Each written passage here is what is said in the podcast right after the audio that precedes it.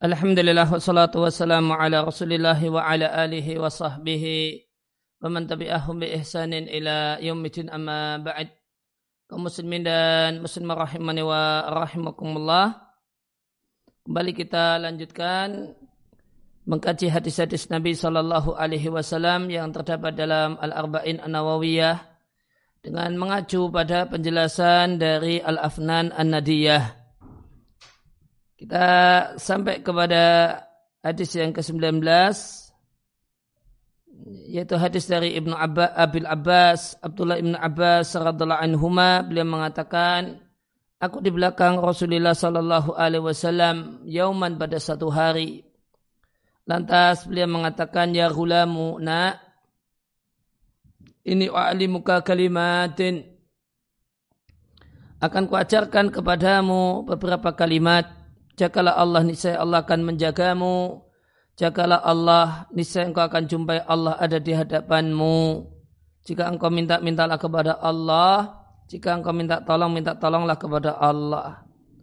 Wa'lam dan ketahuilah bahasanya anal umat bahasanya seandainya ya, semua orang Lau ijtama, ijtama'at berkumpul untuk memberi manfaat kepadamu dengan satu hal, mereka tidak akan bisa memberikan manfaat kepadamu ila bisyai'in kecuali satu hal yang telah Allah ya, takdirkan untukmu.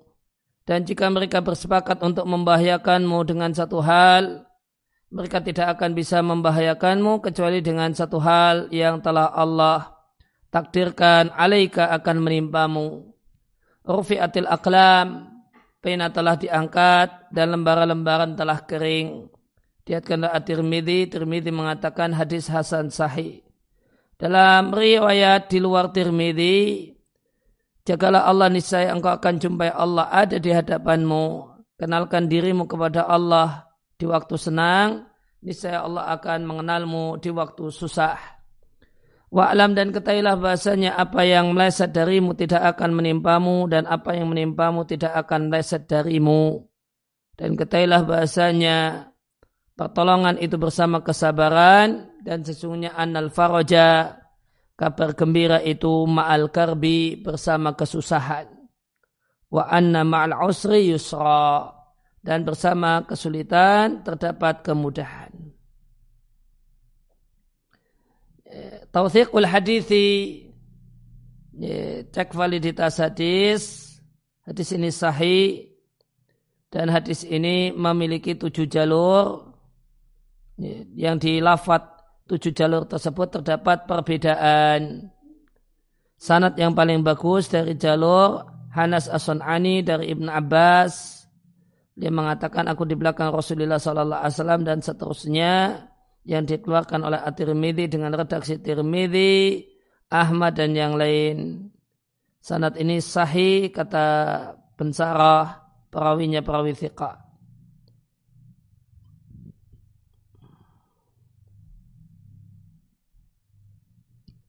Kemudian juga diatkan Imam Ahmad dan Baihaqi dalam Asma wa Sifat dan seterusnya dan sanatnya sahih. Wabakiyatu turuqihi sedangkan sanat yang lainnya dan hadis-hadis penguat yang lainnya tidak lepas dari kelemahan sehingga yang jadi patokan adalah mata qaddama dua sanat sebelumnya wallahu a'lam. Wa syarhu hadal hadis dan penjelasan untuk hadis ini ya, disendirikan oleh Al-Hafidh Ibn Rajab bijus'in latifin dalam satu buku tipis. Wa mausum berjudul Nurul Iktibas fi Mishkati Wasiyatin Nabi bin Abbas. Maka lihatlah buku tersebut fa innahu nafisun karena buku itu sangat berharga. Dan ini adalah hadisun azimun hadis yang agung ya tadammanu memuat wasiat yang jamiah yang lengkap dan kaedah-kaedah general min ahami umurdin yang eh, yang menjadi min ahami umuruddin perkara agama termasuk perkara agama yang paling penting.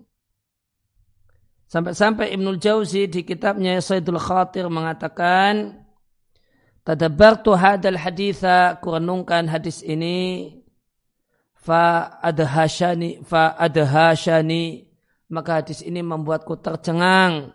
Hampir-hampir aku uh, wakitu atishu dan hampir-hampir aku uh, Taish itu ya tidak bisa mengendalikan diri. Fawa asafa betapa sedihnya minal jali bihadal hadis orang yang tidak mengetahui isi hadis ini wakilatu tafahumi li maknahu dan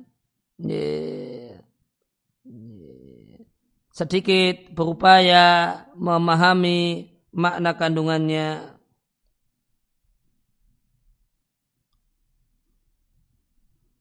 Dan perkataan Ibnul Jauzi ini di didiamkan dan disetujui oleh Al-Hafidh Ibn Rajab di kitabnya Nurul Iktibas.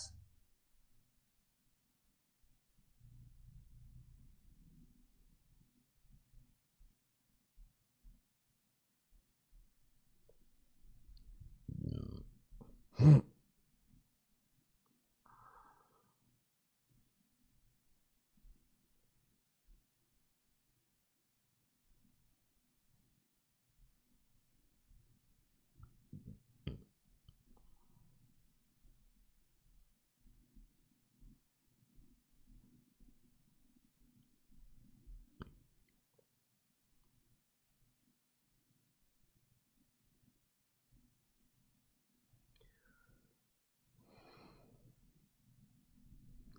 tosyayatisu bisa maknanya guncang. Terpleset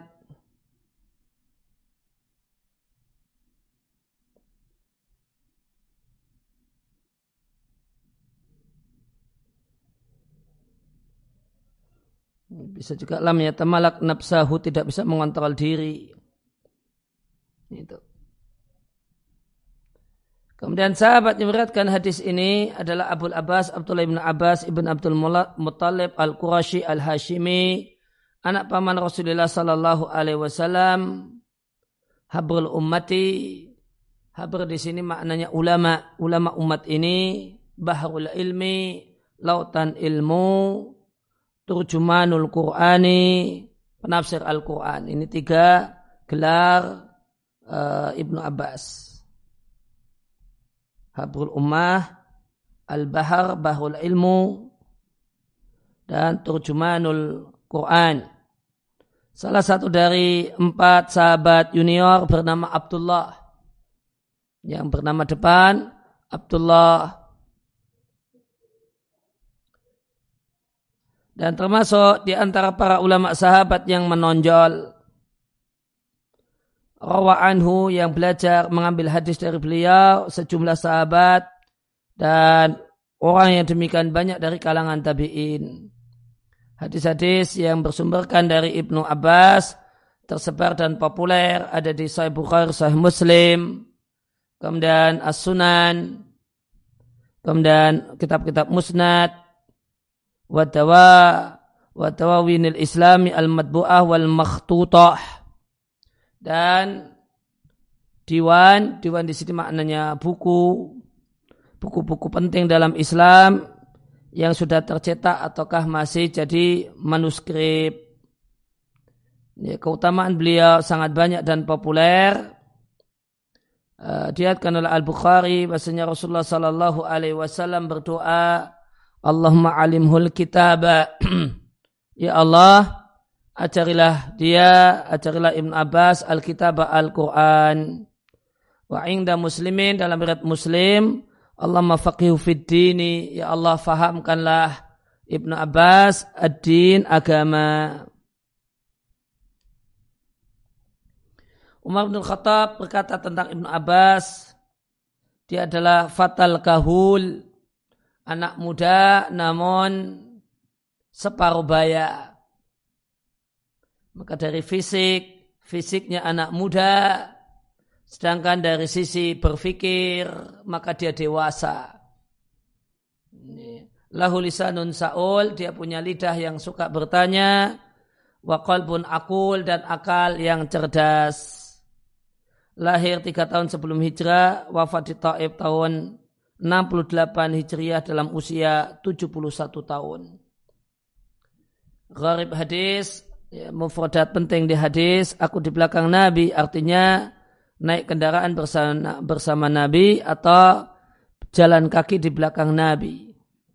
Gulam itu adalah anak kecil sejak dia disapih, tidak disapih tidak lagi nyusu dengan ibunya sampai balik. Kalimatin ini jumiat lil qillati. Ini kalimat itu jam'u qillah. Karena jamak itu ada dua macam, jam'u qillah dan ada jam'u kathrah. Dan isi uh, jamak mu'anas salim itu tergolong jam'u qillah. Litasili hifdiha untuk memudahkan menghafalnya. Wa nuwinat dan di tanwin ya, yaitu tidak uh, yaitu apa uh, nakirah idanan untuk menunjukkan betapa besar ya, khatariha ya, khatar sering maknanya bahaya namun uh, di sini maknanya penting betapa besar urgensinya jagalah Allah artinya Jagalah agama Allah dengan senantiasa bertakwa dan menjauhi hal-hal yang tidak Allah ridai. Wahibdul abdi lidinillah dan usaha seorang hamba untuk menjaga agama Allah ada dua level. Yang pertama, dalam menjaga batasan-batasan Allah, hak-hak Allah, perintah dan larangan Allah, semacam menjaga sholat lima waktu, Kemudian sholat pertengahan yaitu sholat asar, menjaga iman, menjaga wudhu dan rutin berwudhu. Yang kedua, menjaga anggota badan seseorang, penglihatan, kemaluan, pendengaran, perut, dan lidah. Niscaya Allah akan menjagamu, ro'aka Allah menjagamu, hamaka Allah melindungimu, Allah mengkuatkanmu, dan Allah menolongmu dan penjagaan Allah terhadap hamba termasuk di dalamnya dua macam penjagaan. Yang pertama, Allah menjaga maslahat hamba semacam sisi uh, kepentingan dunia hamba, badannya, anaknya, istrinya, dan hartanya. Sebagaimana firman Allah Ta'ala, lahu mu'akibatum min baini yadaihi wa min khalfih baginya malaikat-malaikat penjaga dari arah depan dan belakang yahfadunahu min amrillahi yang menjaga orang tersebut karena perintah Allah. Yang kedua Allah menjaga hamba tersebut menjaga agama dan imannya sehingga Allah jaga lindungi uh, orang tersebut dari berbagai macam Eh, racun pemikiran yang menyesatkan dan berbagai macam keinginan yang haram yang membakar. Allahumma ya Allah jagalah kami sebagaimana engkau menjaga hamba-hambamu yang saleh. Saya ingin membaca tafsir untuk ayat yang ke-11. Lahu mu'akibatun.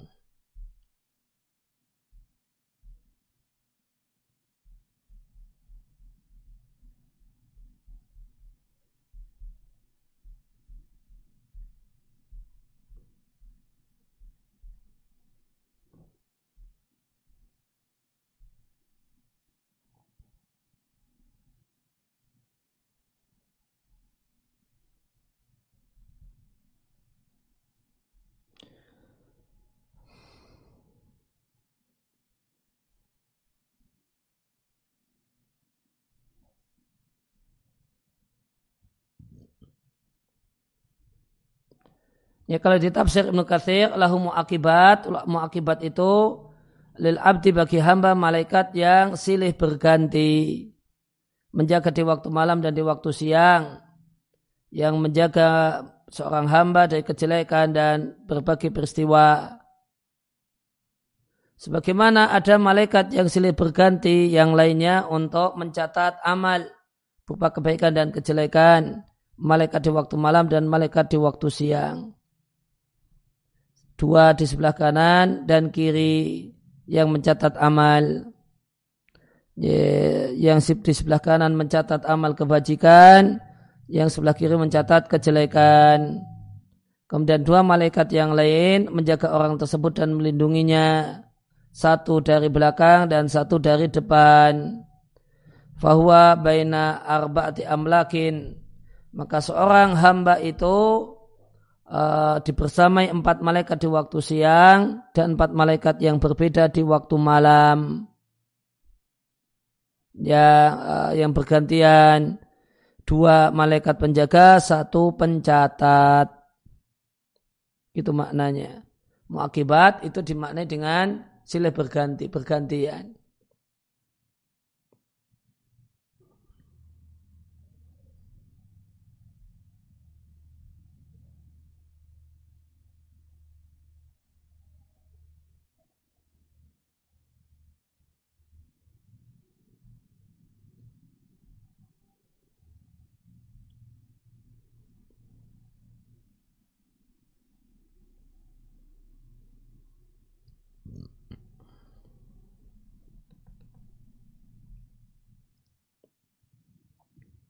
Jadi tiap orang itu punya empat malaikat, dua pencatat amal, dua penjaga. Pencatat amal kiri kanan, penjaga depan dan belakang. Dan empat itu di waktu siang empat, di waktu malam empat. Ya, tujahaka artinya ma'aka bersamamu dalam setiap keadaanmu. Yahutuka yang mengelilingimu, menolongmu, dan menjagamu. Wadil ma'iyat ini adalah kebersamaan yang bersifat spesial yang bermakna menolong, menguatkan, menjaga dan membantu.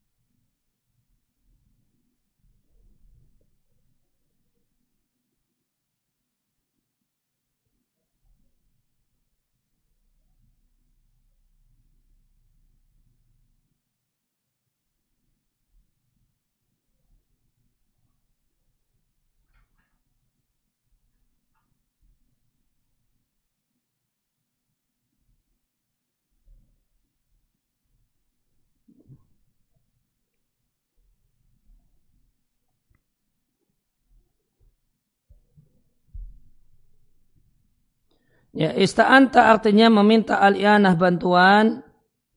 Umat di sini maknanya jamil makhlukin semua makhluk. Rufiatil aklam baca fatis suhub artinya turikatil kita batu biha telah dibiarkan catatan dengannya li farahil amri karena telah selesai wan biramihi dan telah terikat telah selesai mungdu amadin baitin sejak waktu yang lama. Fakat taqaddama kitabul maqadir kulliha karena pencatatan takdir seluruhnya qad taqaddama telah berlalu. Roha artinya kondisi nikmat. Al-faraj yang saya tadi terjemahkan dengan kabar gembira itu maknanya adalah keluar dari kegalauan dan kesusahan. Topik utama hadis ini beberapa kalimat yang bermanfaat dan wasiat yang lengkap.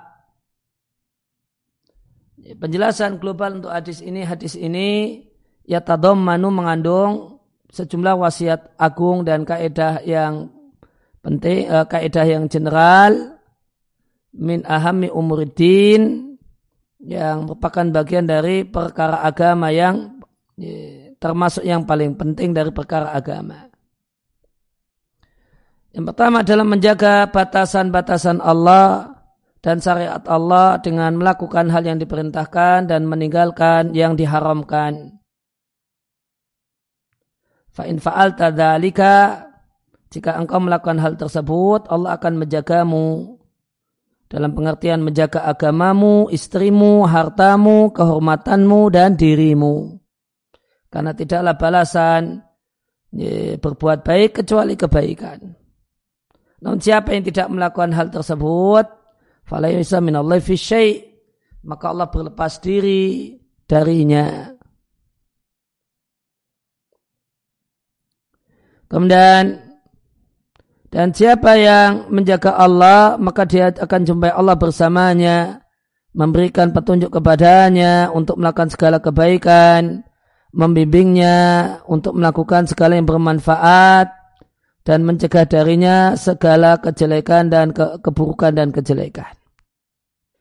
Jika engkau meminta hajat, mintalah kepada Allah. Jangan minta kepada makhluk sedikit pun.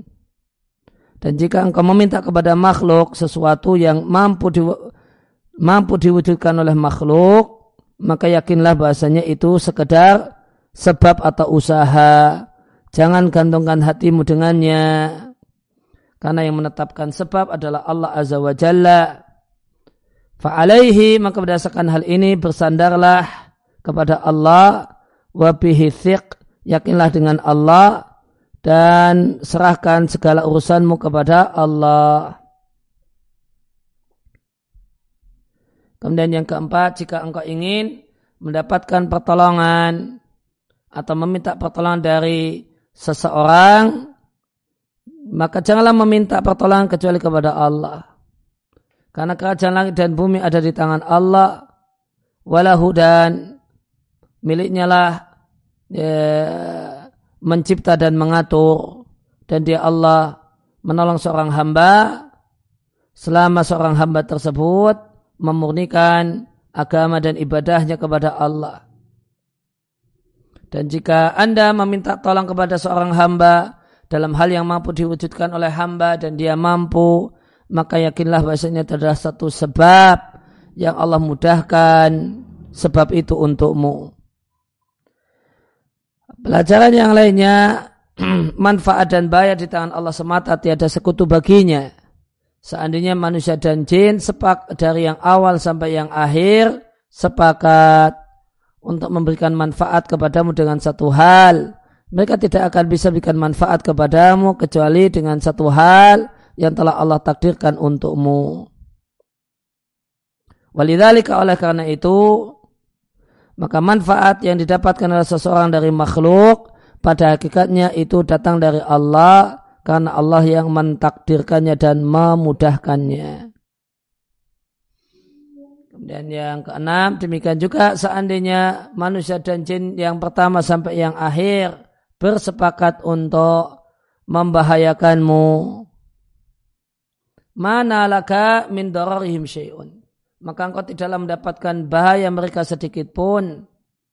Kecuali perkara yang memang telah Allah takdirkan akan menimpamu. Maka ridalah dengan ya, kodok dan kodar Allah dengan takdir Allah. Baik takdir yang manis ataupun yang pahit. Namun tidaklah mengapa bagimu untuk mencegah hal-hal yang membahayakan dirimu dengan berbagai macam usaha yang disyariatkan. Fa inna Allah akan isnya Allah Allah jadikan bagi setiap obat itu setiap penyakit itu ada obatnya. Kemudian yang ketujuh semua yang Allah takdirkan qad intaha telah berakhir. Wa ma madin dan apa yang Allah takdirkan itu telah berlalu tidak ada yang bisa mencegah hukum Allah.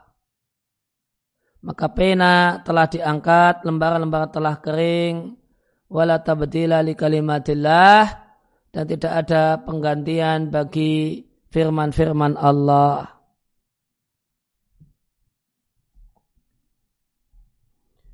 Pelajaran yang bisa kita petik dari hadis ini atau fikih hadis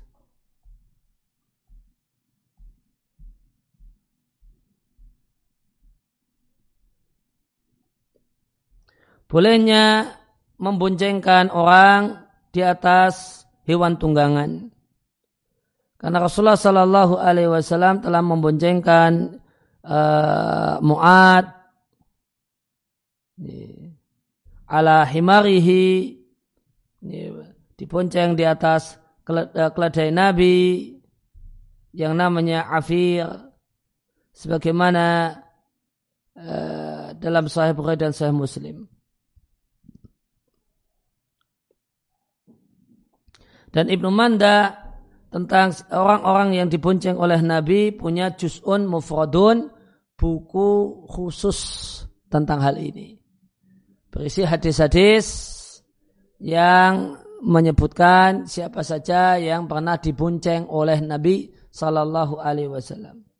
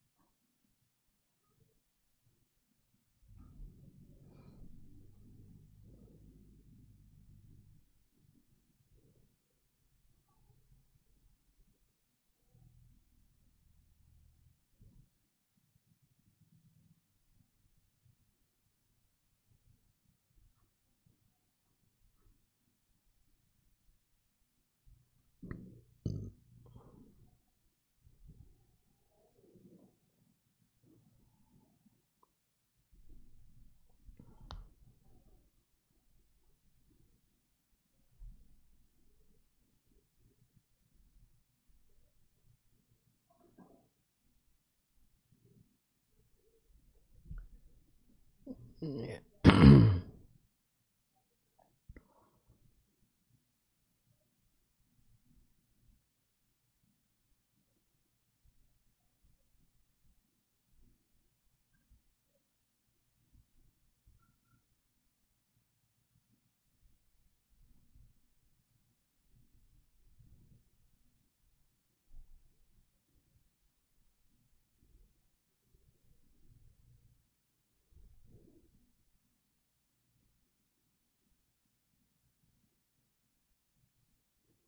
Ya, ya,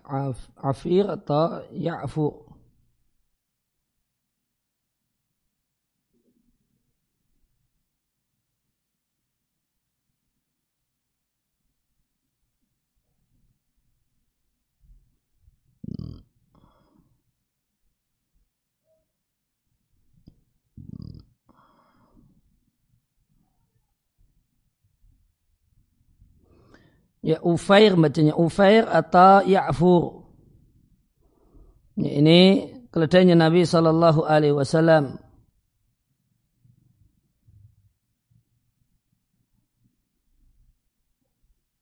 Dan ini keledai ini adalah keledai hadiah dari Raja Mesir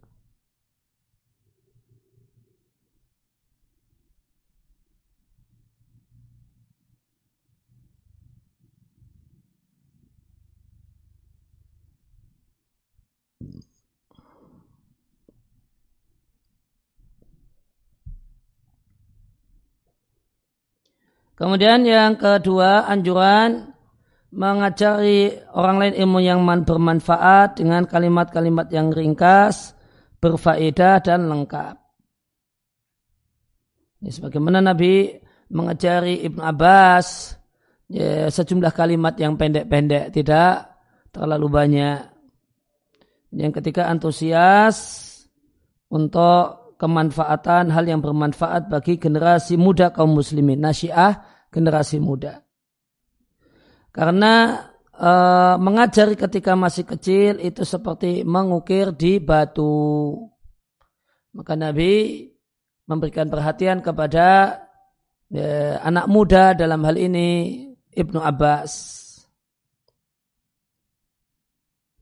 Kemudian balasan sejenis dengan perbuatan siapa yang menjaga Allah maka Allah akan menjaganya. Eh, wahada dan kaidah ini al jaza min jinsil amal itu banyak dalam Al-Quran. Contohnya wa aufu bi ahdi ufi bi ahdikum. Laksanakanlah janji kalian kepadaku, niscaya aku akan laksanakan janjiku kepadamu. Demikian juga firman Allah, "Fadhkuruni adzkurkum." Ingatlah aku, niscaya aku akan ingat kalian.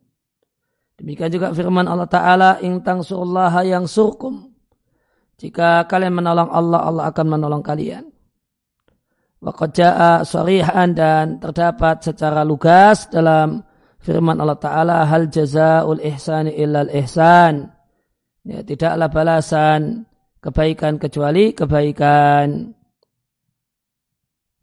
Kemudian yang kelima Allah Subhanahu wa taala yatafaddalu memberikan anugerah kepada hamba-hambanya dan memberikan tambahan kepada mereka.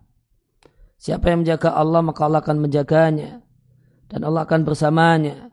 Siapa yang menolong Allah, Allah akan menolongnya dan Allah akan teguhkan telapak kakinya.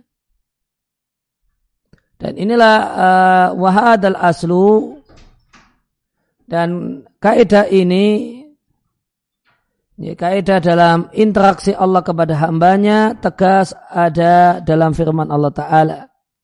Wa ita'adhana rabbukum. Ingatlah ketika Rabbmu mengumumkan kepada kalian jika kalian bersyukur, aku akan tambahkan untuk kalian. Kemudian yang keenam, sepatutnya hamba untuk berhenti di batasan-batasan Allah. Tidak melampauinya. Dan mengagungkan batasan-batasan Allah. Dan pasrah kepada ketentuan Robnya lahir dan batin. Ini, ini makna ifadillah. Jagalah batasan-batasan Allah. Kemudian haramnya meminta kepada selain Allah yaitu kepada makhluk hal-hal yang tidak mampu diwujudkan kecuali oleh Allah. Semacam meminta rezeki, meminta kesembuhan, meminta ampunan, pertolongan dan yang lain. Adapun apa yang biasa terjadi jarat alai adatun nas apa yang telah berjalan dan itu menjadi kebiasaan ya, telah menjadi kebiasaan manusia, ini telah menjadi kebiasaan masyarakat saling tolong menolong dalam dalam satu hal. Yang itu memang hal-hal yang mereka mampu, maka tidak mengapa e, meminta bantuan mereka. Kal istiara semacam pinjam barang, istikrat, ya pinjam uang, istirsyad, minta bimbingan dan arahan dan yang lainnya. Kemudian takdir Allah itu sudah kering, sudah tidak akan berubah-ubah, maka ini menjadi kandungan yang kedelapan. Apa yang terdapat dalam ilmu Allah Ta'ala dan apa yang Allah catat dalam umul kitab. Umul kitab itu sama dengan Al-Lawh Al-Mahfuz. Sabitun itu permanen, la yatabaddal tidak akan berganti, wa tidak akan berubah, walayun sahu tidak akan dihapus. Wama waqa'a dan semua yang terjadi, wama sayaqa'u dan apa yang akan terjadi, seluruhnya dengan ilmu Allah Ta'ala. Kemudian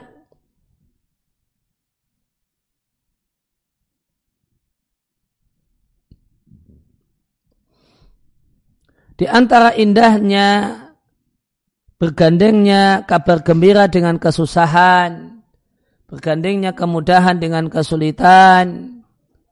Anal kurba bahasanya, anal karba bahasanya kesulitan. Jika demikian hebatnya, watanaha dan berada di puncaknya, sehingga hamba itu putus asa dari bantuan semua makhluk.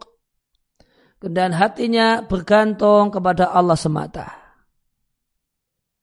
Maka pada saat itu hati bergantung kepada Allah semata inilah hakikat tawakal kepada Allah.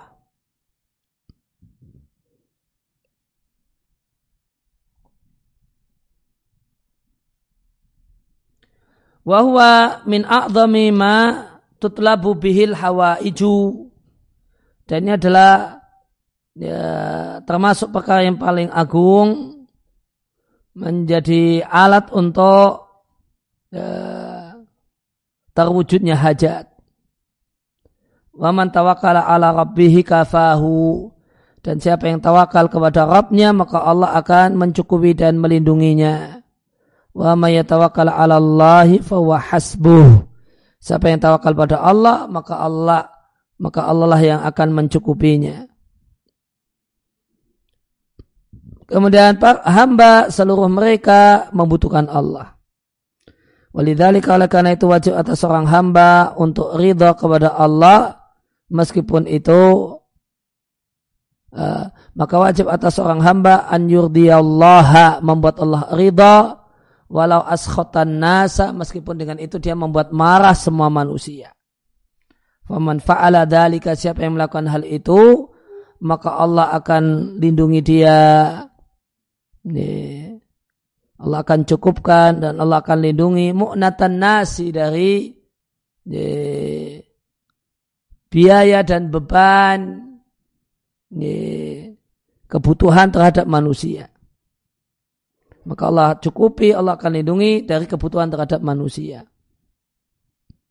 Kemudian hamba tidaklah mampu mendatangkan untuk dirinya manfaat dan mencegah bahaya kecuali dengan izin Allah.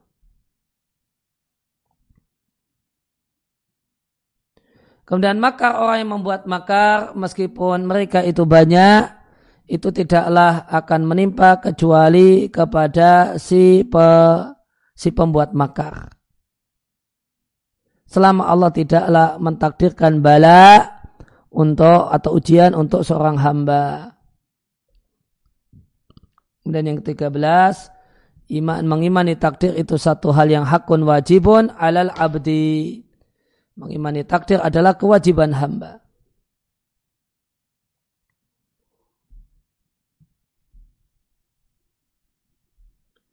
Kemudian yang keempat belas, berjihad di jalan Allah memerlukan kesabaran dan kekokohan. Siapa yang bersabar maka dia akan berhasil dan akan menang. Sebagaimana firman Allah Ta'ala, jika kalian 100 orang yang bersabar bisa mengalahkan 200. Jika kalian 1000 orang yang bersabar, kalian bisa mengalahkan 2000 dengan izin Allah. Dan Allah bersama orang-orang yang bersabar. Kemudian dalam hadis ini terdapat penjelasan tentang akhlak tawadu yang, yang menjadi hiasan Rasulullah Sallallahu Alaihi Wasallam. Bentuk tawaduknya Nabi memboncengkan anak pamannya sepupunya di belakang. Artinya lam yasta'thir bidabati dunahu. Nabi tidak memonopoli hewan tunggangan sehingga tidak mau dibersamai oleh orang lain.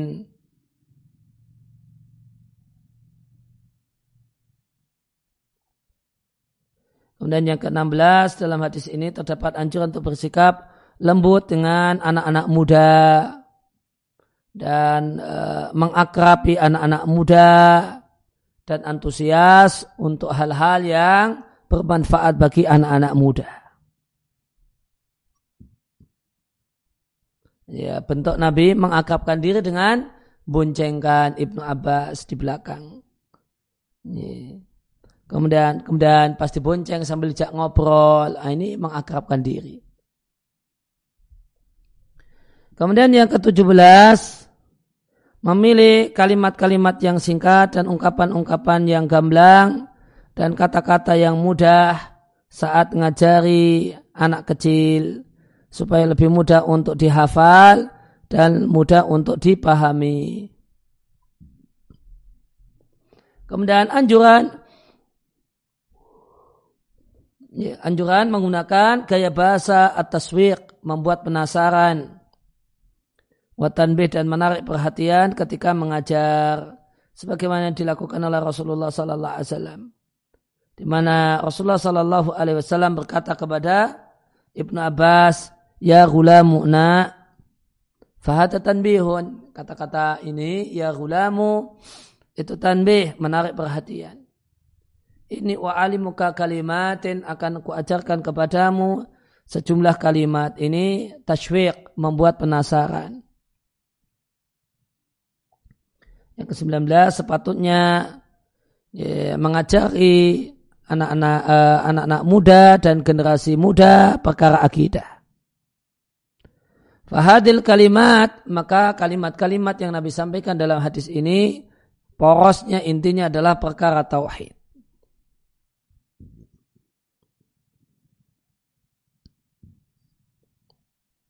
Kemudian kalimat-kalimat yang Nabi ajarkan ini mendidik seorang muslim dengan nilai-nilai kemuliaan, keberanian, kuat. Karena kemuliaan milik Allah, Rasulnya dan orang-orang yang beriman. Demikian juga kuat itu kekuatan itu dengan bantuan Allah seluruhnya. Yang ke-21 hadis ini nas bahasanya amal hati amal-amal hati sementara minta tolong demikian juga amal anggota badan semacam ya, permohonan dan doa itu bagian dari iman. Ya, maka ini menarik, ini kalimat ini menarik. Perhatikan.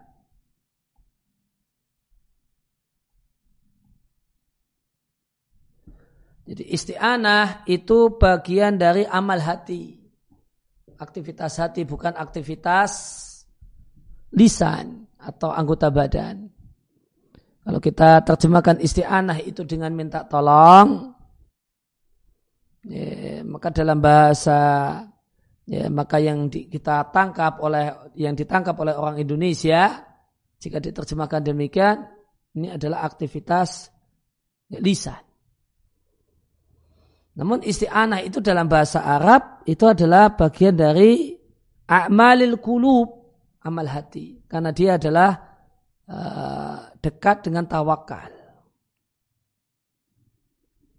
Ya, sedangkan doa permohonan, as-su'al wa doa ini dimasukkan pada amal jawari.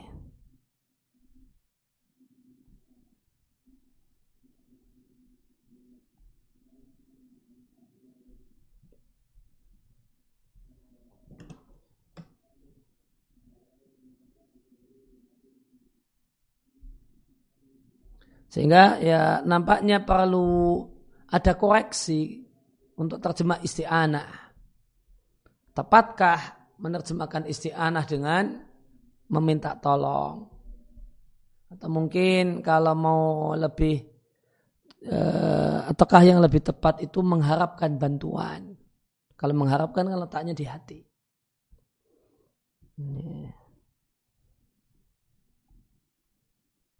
Sehingga Eh, nampak kalau itu bagian dari amal hati, bukan minta tolong, namun mengharapkan bantuan.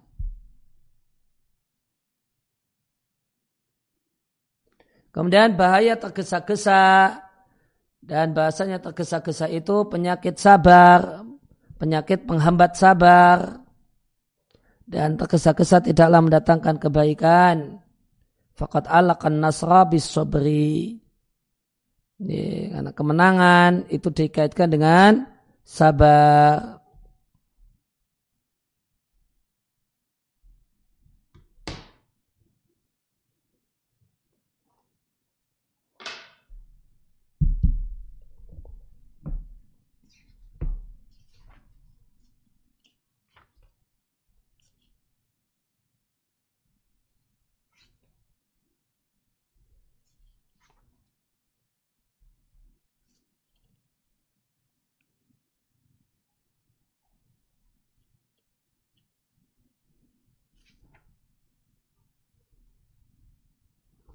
Uh, faedah tambahan dari Ibnu Mulakin di Al-Mu'in ala Tafahumil Arba'in.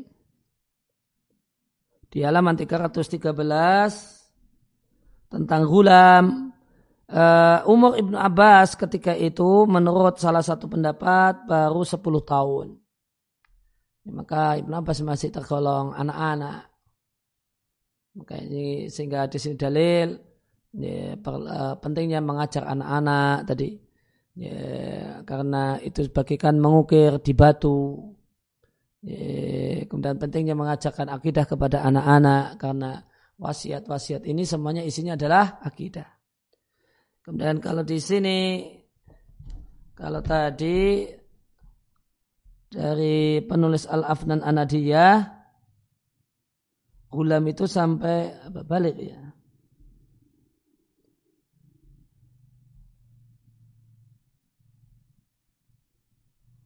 Asabi min hini yuftim ilal bulugh. Sampai balik kalau. Kalau di Ibnu Mulakin gulam itu asabi hina yuftam ila sabak sinin. Sobi itu sejak yuftam disape tidak lagi nenen ibunya sampai umur tujuh tahun.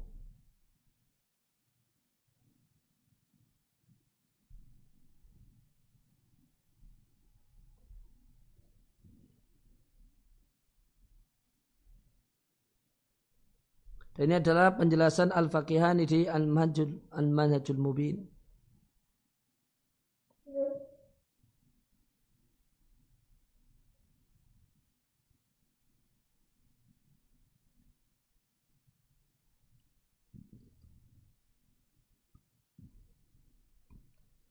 Di, namun disebutkan kalau di kitab Bazaziyah disebutkan gulam itu orang yang belum sampai lebih dari 10 tahun.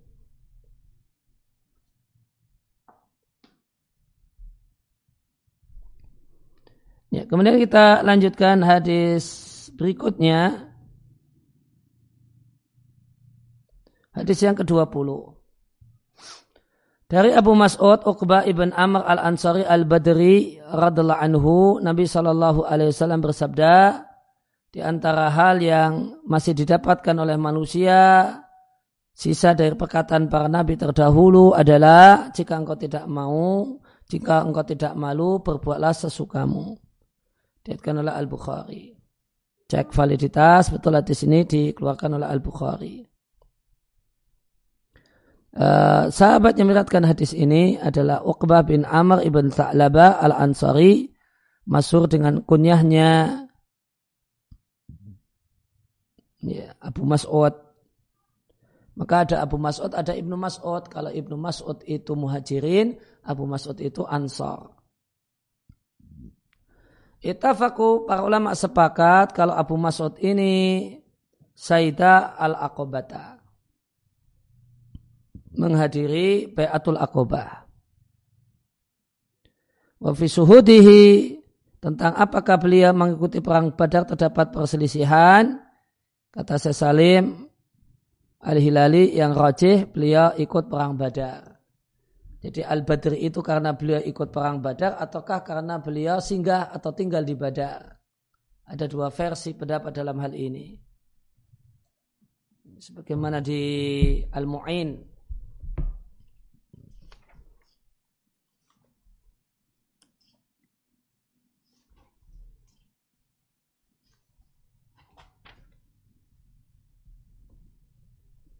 Ini kalau Ibnu Mulakin mengatakan Abu Mas'ud ini lam yashad badran. Tidak mengikuti perang badar fi kaulil aktsarin menurut mayoritas ulama. Cuma tinggal di badar. Intinya ulama berselisih pendapat apakah Abu Mas'ud itu ikut perang badar ataukah tidak. Ada ulama yang berpendapat tidak ikut perang badar, eh, ada orang yang berpendapat ikut perang Badar. Mereka adalah Al-Bukhari. Contohnya adalah Al-Bukhari.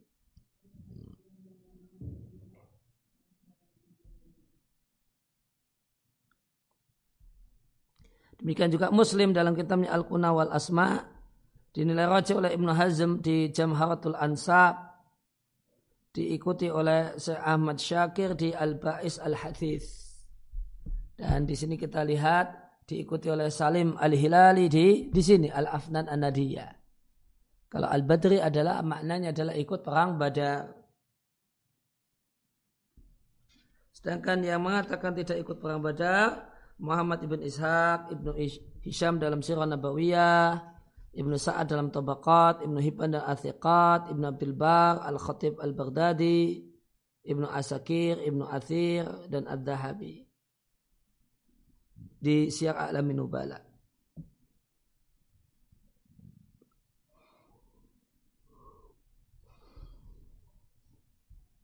Jadi kalau jumhur ulama uh, Al-Badri bukan karena ikut perang Badar. Namun kalau yang dirocikan oleh, dikuatkan oleh Al-Bukhari, demikian juga Muslim, Al-Badri adalah artinya ikut perang Badar.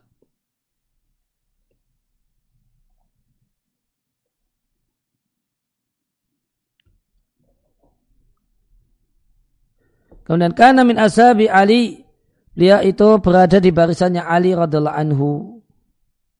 Wastakhlafa maratan alal kufati. Dan pernah satu ketika Ali yang domisilinya di Kufah meninggalkan Kufah dan meminta Abu Mas'ud untuk menjadi pengganti Ali ya, jadi pejabat sementara saat Ali pergi dari uh, meninggalkan Kufah. Tufiya wafat ba'dal arba'in uh, setelah tahun 40 dan uh, enam kutub sita meriatkan hadis-hadisnya. Uh, gharibul hadis. Mimma adrakan nasu min kalam kalamin nubuwatil ula artinya min baqaya sisa-sisa kenabian Nabi Adam alaihissalam yang belum terhapus oleh at-taghyir perubahan dan penggantian. Kemudian dan kalimat ini saling dikutip oleh eh, al-kutub al-ilahiyah. Kitab-kitab suci yang datang dari Allah. Jika engkau tidak mau, tidak malu, berbuatlah sesukamu.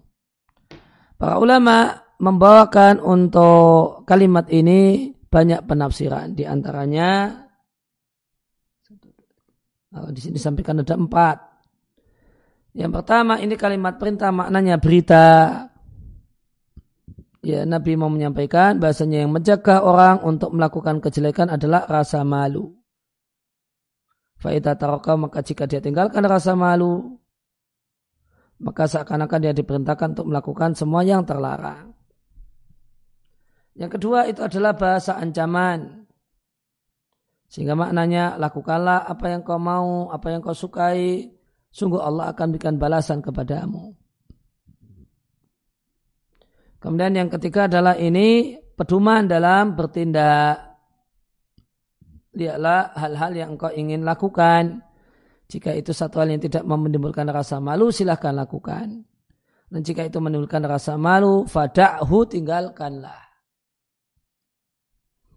Kemudian versi yang keempat mengatakan ini adalah kalimat motivasi untuk memiliki rasa malu dan memuliakan tan tanwih meninggikan bifadlihi keutamaan rasa malu.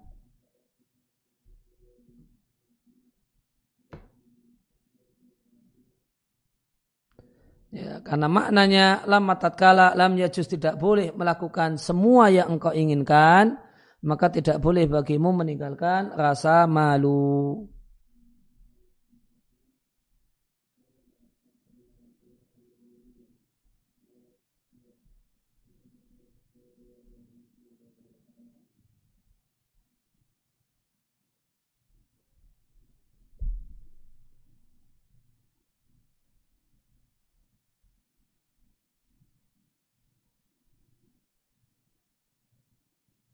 Ya nawaha tanwih rafa'a dzikrahu adzamahu mengagungkan memuliakan Ya, topik utama hadis ini menjelaskan keutamaan rasa malu dan bahasanya malu adalah akhlak Islam dalam akhlak Islam dan itu diajarkan semua rasul.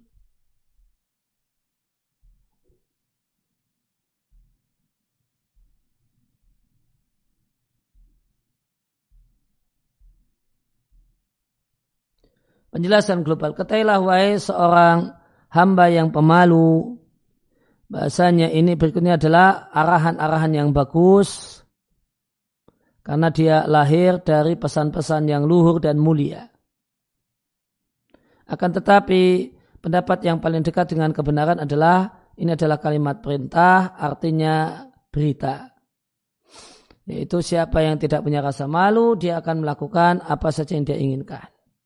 Ketahuilah wahai seorang ya, yang pemalu bahasanya min man lazimal al haya'a siapa yang uh, senantiasa memiliki rasa malu maka sebab-sebab kebaikan itu ada pada dirinya. Kama anal waqaha sebagaimana tidak punya rasa malu. Idza lazima al bada'a jika seorang itu senantiasa dengan hal yang kotor, maka adanya kebaikan dari dirinya makduman satu hal yang tidak ada.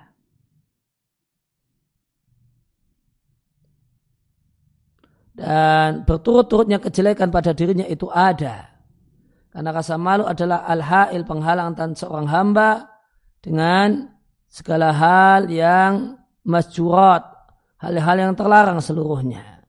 Maka karena kekuatan rasa malu, ya ta'ufu maka lemahlah irtikabu iyaha, lemahlah tindakannya untuk uh, melakukan hal-hal yang dilarang. Dengan melemahnya rasa malu, maka kuatlah mubasyaratu iyaha. Kuatlah tindakan untuk melakukan hal-hal yang terlarang.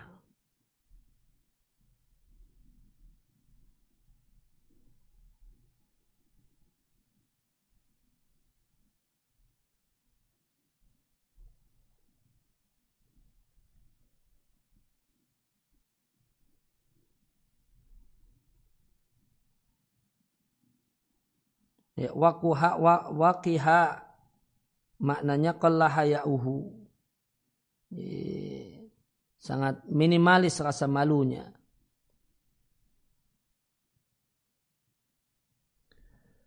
Dan betapa indahnya seorang yang mengatakan waruba qabihatin betapa banyak kejelekan tidak ada yang menghalangi antaraku dan melakukannya kecuali rasa malu. Fakana huwa dawa maka rasa malu adalah obat bagi kejelekan. Walakin idha dahabal haya'u akan tapi jika telah hilang rasa malu fala dawa maka tidak ada obatnya. Sungguh bagus seorang penyair yang mengatakan jika seorang itu diberi wajahan waqahan, wajah yang tidak punya rasa malu, maka taqallaba fil umuri, maka dia akan berbolak-balik melakukan sejumlah hal sebagaimana yang dia kehendaki.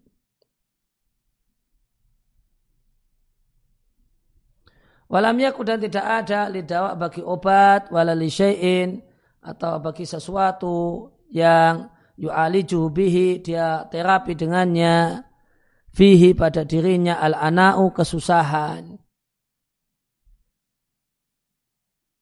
Famalaka maka tidak ada manfaat bagimu untuk menegur orang yang tidak punya rasa malu. Eh, tidak ada rasa malu pada wajahnya, tidak ada manfaat ilal ana'u kecuali susah payah. Oleh karena itu siapa yang senantiasa rasa punya rasa malu, maka dia maka terjagalah kehormatannya dan terkuburlah kejelekannya, tersebarlah eh, sisi-sisi uh, positif pada dirinya. Wa man dahaba namun siapa yang hilang rasa malunya, hana Allah maka dia hina di hadapan Allah, hina di hadapan manusia, dan hina di, di, di hadapan dirinya sendiri. Benarlah seorang yang mengatakan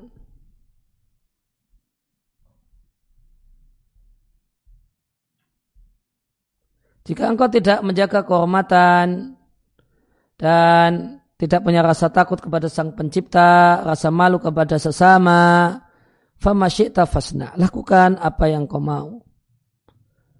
Namun idza kunta ta'ti al-mar'a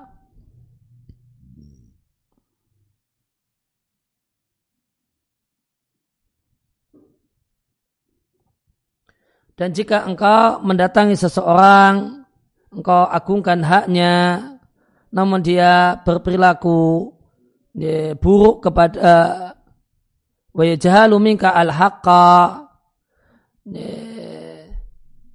namun dia tidak mengetahui hak yang ada pada dirimu. Fasarmu maka sikap tegas, ausa'u itu lebih luas. Kandungan hadis. Perintah uh, untuk memiliki rasa malu itu berasal dari para nabi terdahulu. Dan manusia pun uh, mengedarkan perintah ini di antara sesama mereka dan mereka warisi dari generasi ke generasi.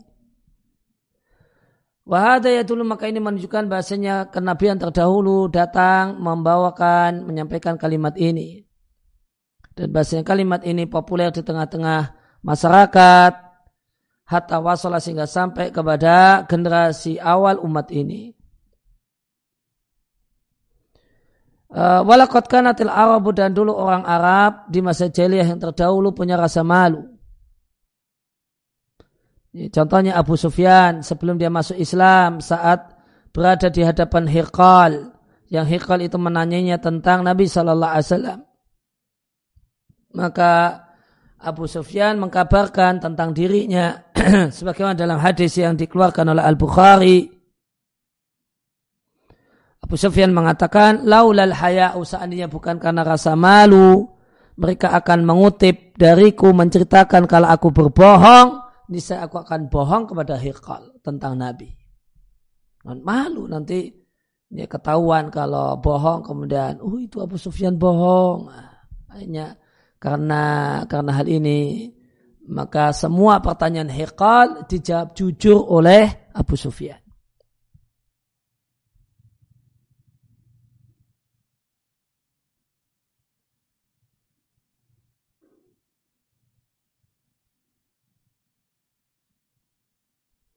Dan adalah rasa malu itu satu hal yang digembar-gemborkan oleh orang Arab.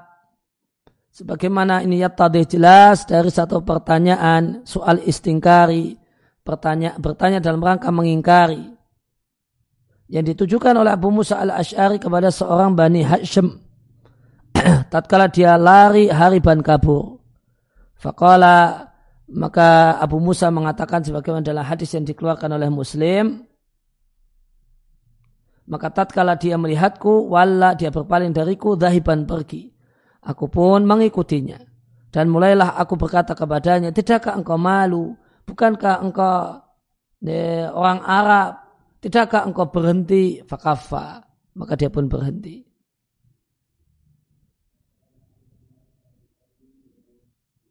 Uh, antara seorang penyair jelia mengatakan dan aku tundukkan pandanganku jika nampak bagiku jaroti tetangga perempuanku sampai dia tersembunyi eh, tetangga perempuan itu tersembunyi atau tertutupi oleh makwaha rumahnya.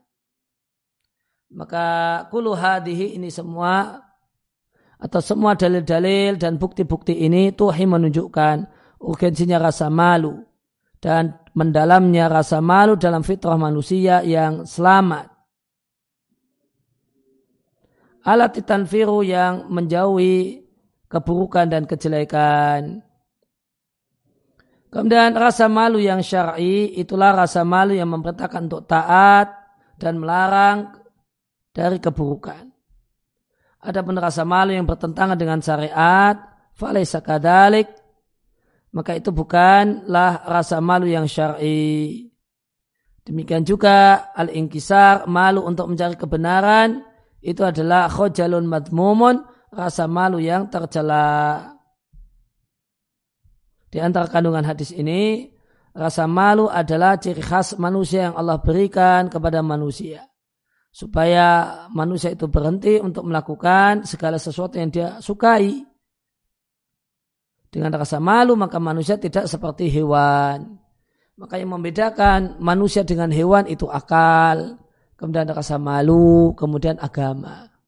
Tanpa hal ini, maka manusia dengan hewan itu sama saja. Kemudian kaidah dalam perilaku tidak berubah, tidak berganti. Karena dia adalah sesuatu yang tergali dalam fitrah manusia.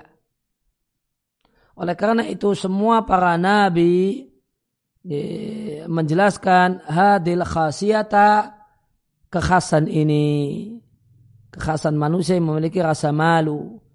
Maka semua kerasulan itu menukil kalimat ini jami'an seluruhnya dari nabi yang pertama sampai nabi yang al-khatimah yang terakhir.